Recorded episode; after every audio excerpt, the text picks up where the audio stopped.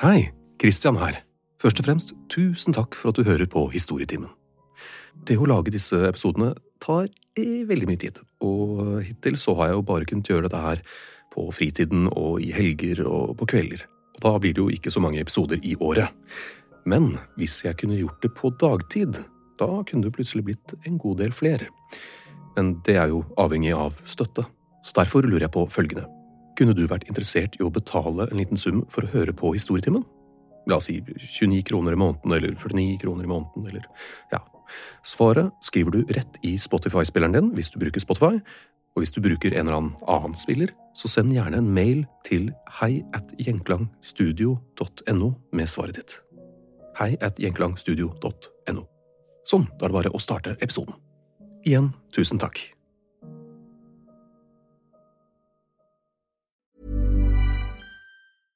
Hey, I'm Ryan Reynolds. At Mint Mobile, we like to do the opposite of what Big Wireless does. They charge you a lot, we charge you a little. So naturally, when they announced they'd be raising their prices due to inflation, we decided to deflate our prices due to not hating you. That's right. We're cutting the price of Mint Unlimited from $30 a month to just $15 a month. Give it a try at mintmobile.com slash switch. $45 upfront for three months plus taxes and fees. Promo rate for new customers for limited time. Unlimited more than 40 gigabytes per month. Slows. Full terms at mintmobile.com. Ever catch yourself eating the same flavorless dinner three days in a row? Dreaming of something better? Well, HelloFresh is your guilt-free dream come true, baby. It's me, Kiki Palmer. Let's wake up those taste buds with hot, juicy pecan-crusted chicken or garlic butter shrimp scampi. Mm. Hello Fresh. Stop dreaming of all the delicious possibilities and dig in at HelloFresh.com. Let's get this dinner party started. Hiring for your small business? If you're not looking for professionals on LinkedIn, you're looking in the wrong place. That's like looking for your car keys in a fish tank. LinkedIn helps you hire professionals you can't find anywhere else, even those who aren't actively searching for a new job but might be open to the perfect role. In a given month, over 70% of LinkedIn users don't even visit other leading job sites. So start looking in the right place. With LinkedIn, you can hire professionals like a professional. Post your free job on linkedin.com slash achieve today.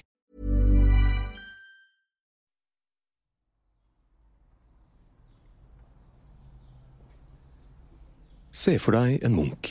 En typisk middelaldermunk. Hvordan ser han ut? En brun skjortel? Barbert måne?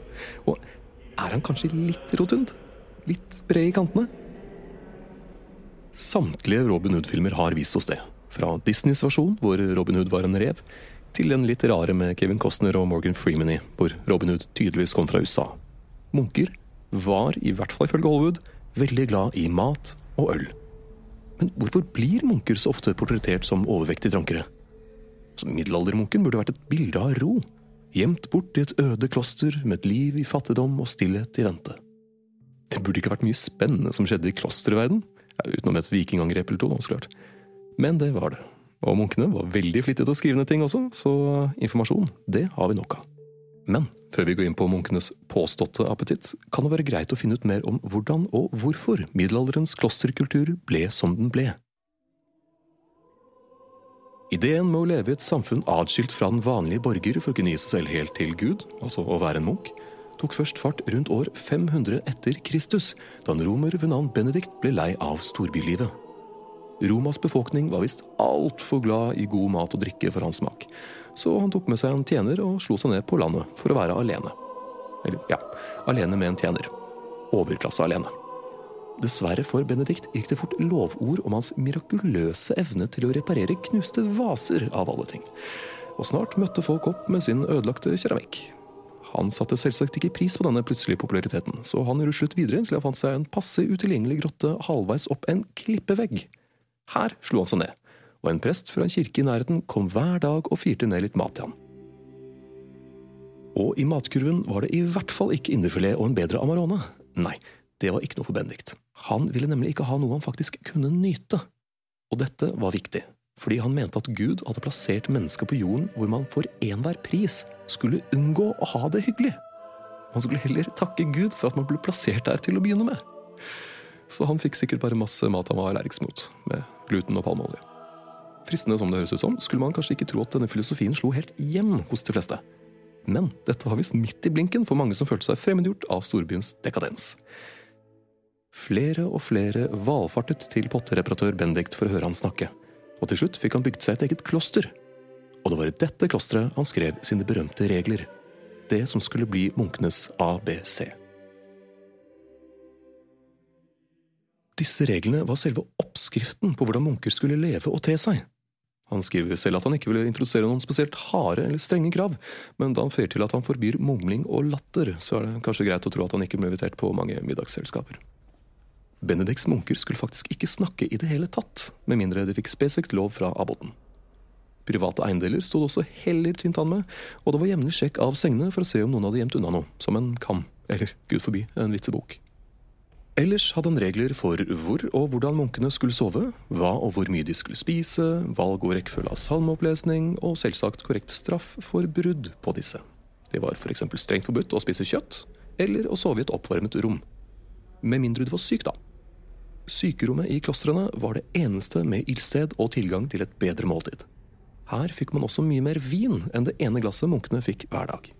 I løpet av de neste 500 årene oppnådde Benedikts styreform og liste med regler monopol blant Vest-Europas religiøse kretser, og ble støttet av både paver og til og med den svært så mektige Charlemagne, ja, eller Karl den store, som vi har oversatt ham til på norsk. Nesten alle store klostre ble benediktinske, og dette systemet høres jo ganske solid ut, altså om en smule hermetisk lukket, men det var jo litt av poenget. De ønsket jo å holde seg atskilt fra det verdslige, men hva med verden som roterte rundt disse klostrene? Europa var et samfunn laget for krig, av krigere. Det var romerne som innførte systemet med profesjonelle, lønnede soldater, og dette systemet vedvarte Europa også etter Romas fall. Profesjonelle soldater som får betalt for å krige, slåss og ta liv. Og Da er det jo litt kjedelig for et nykristent Europa med det sjette budet fra Bibelen. Du skal ikke drepe. På 1000-tallet ble dette tatt for å bety presis det det sier. Bare fordi du er en kriger, betyr det ikke at du slipper unna for det. Det ville jo vært litt av et problem i enhver bedrift hvis arbeidstakerne bokstavelig talt ble dømt til helvete for å gjøre jobben sin. Heldigvis trodde disse soldatene, som de fleste andre på den tiden, sterkt på bønns tilgivende effekt. Drept x antall mennesker ved x antall dager. Hvis du som soldat i en større krig drepte en annen soldat, selv om det var på befaling, så ville du måtte bøte, eller do penance, i 40 dager. Etter slaget ved Hastings i 1066 ble hver soldat bedt om å bøte i 120 dager for hver person vedkommende drepte.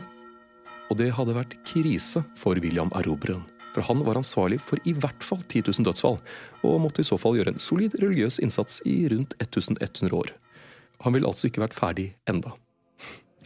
Det som også var opplest og vedtatt på denne tiden, var at munker hadde en hotline til Gud, alle kunne jo be, men munkenes rene asketiske livsstil dedikert til Gud gjorde at man mente at deres bønner ble hørt høyest. De tok mye kortere tid og ga størst uttelling på tilgivelsesskalaen. De hadde en slags guderopert, eller tilgivelsesvuvusela, om du vil. Det William Erobreren da gjorde, var å hyre inn munker til å be for ham. Og dele på et par hundre munker samt bonustid for pengedonasjoner fikk han plassen i himmelen tilbake på rekordtid. Og ja, jeg vet, dette skal egentlig handle om tjukke munker, men vi kommer dit straks. For det er her problemene kom for Benedikts idealklostre. For hva ville du ikke gitt for å unngå å bli sendt til helvete resten av evigheten? Hva man, hva man donerer en slump penger til et kloster for å få noen munker til å snike inn en bønn for din sjel? Litt fokusert being i din retning?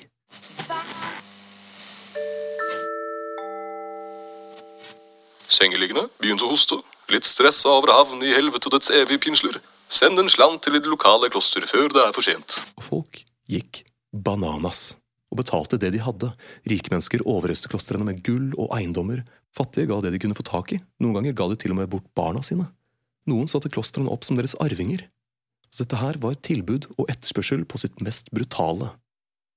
Og disse munkene, da, som plutselig ble overøst av en absurd rikdom, de var jo mennesker, de òg var det ganske irriterende å måtte fortsette å leve som en fattiglus når du bokstavelig talt er rikere enn Krøsus. Men det var det vel ingenting å gjøre med, var det det? Det var jo strenge regler for at du kun fikk varme deg og spise god mat hvis du bodde på sykerommet. Og regelbryting, nei det, slikt drev man ikke med. Å nei, du. Her skulle man leve kun for Gud, og ikke nyte det verdslige. Som biff. Mm. hva man gjorde alle rommene om til sykerom. Det hadde ikke Bendik tenkt på. Han hadde grovt undervurdert menneskets fantastiske evne til å tilpasse seg. Og sakte, men sikkert ble tørt brød og vann byttet ut til fordel for indrefilet, helstekt pattegris og importert vin. Flere steder hadde munkene til og med separate rom med peis og eget toalett. Et annet eksempel på hvor flinke munkene var til å snike seg rundt Bendiks regler på, var da de satte seg ned for å spise. Reglene slo ikke bare hardt ned på overivrige taleføre munker på generell basis, men spesielt rundt middagsbordet skulle være helt tyst. Var strengt forbudt under noen omstendigheter å snakke mens man spiste. Og ja, det kan virke som om Bendikt hadde noen snakke med mat i munnen-traumer. Men det de fikk lov til, var å kommunisere til hverandre over bordet ved hjelp av tegnspråk.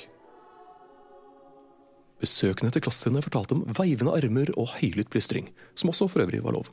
Og som en slags stum-esperanto var de samme tegnene i bruk i klostre over hele Europa. Så om en munk fra Frankrike besøkte England, kunne han spørre om å bli tilsendt saltet i den sikkerhet at han ble forstått. Og ja, ikke overraskende nok handlet de fleste tegnene om mat. Mat ble det store, gjengående temaet for munkene. I et munkemøte i Westminster handlet ikke den store debatten om hvorvidt moren til Jesus var jomfru eller ei, men om han skulle ha fire eller fem sild til en rett. Og det var viktig! Altså for munkene, altså. For hver uke hadde minst én festdag, og hver festdag hadde i hvert fall 16 retter. Bare tenk på alle helgene som måtte feires. Altså, Det må være grunnen til at det finnes helgener for alt fra kjønnssykdommer til stygge og mørkredde mennesker. Det gjør det faktisk.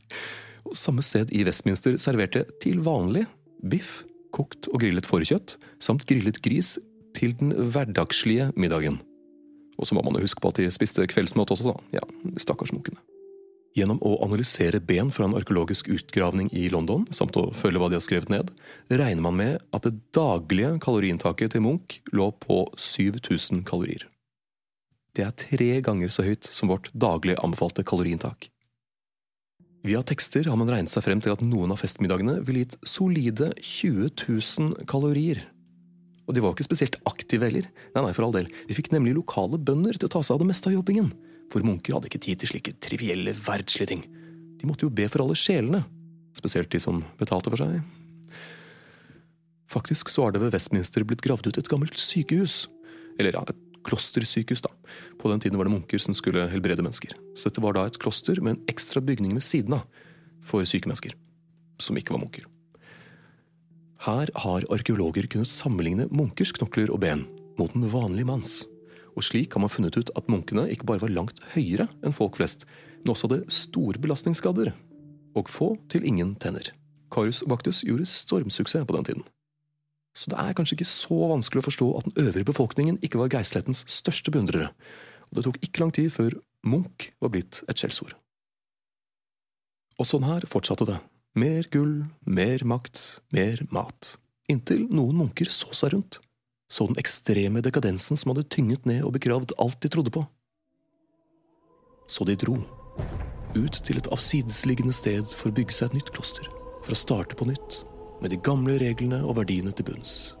Med bønn, hardt arbeid og enkle kår skulle de kaste av seg det verdslige og gi seg hen til Gud.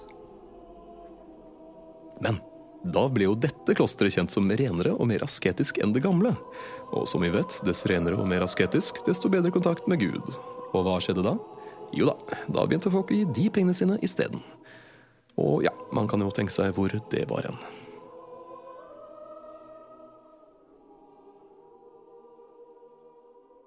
Og sånn gikk det, rundt og rundt, gang på gang, til det ble allment akseptert at munker var tjukke og glade i en dram.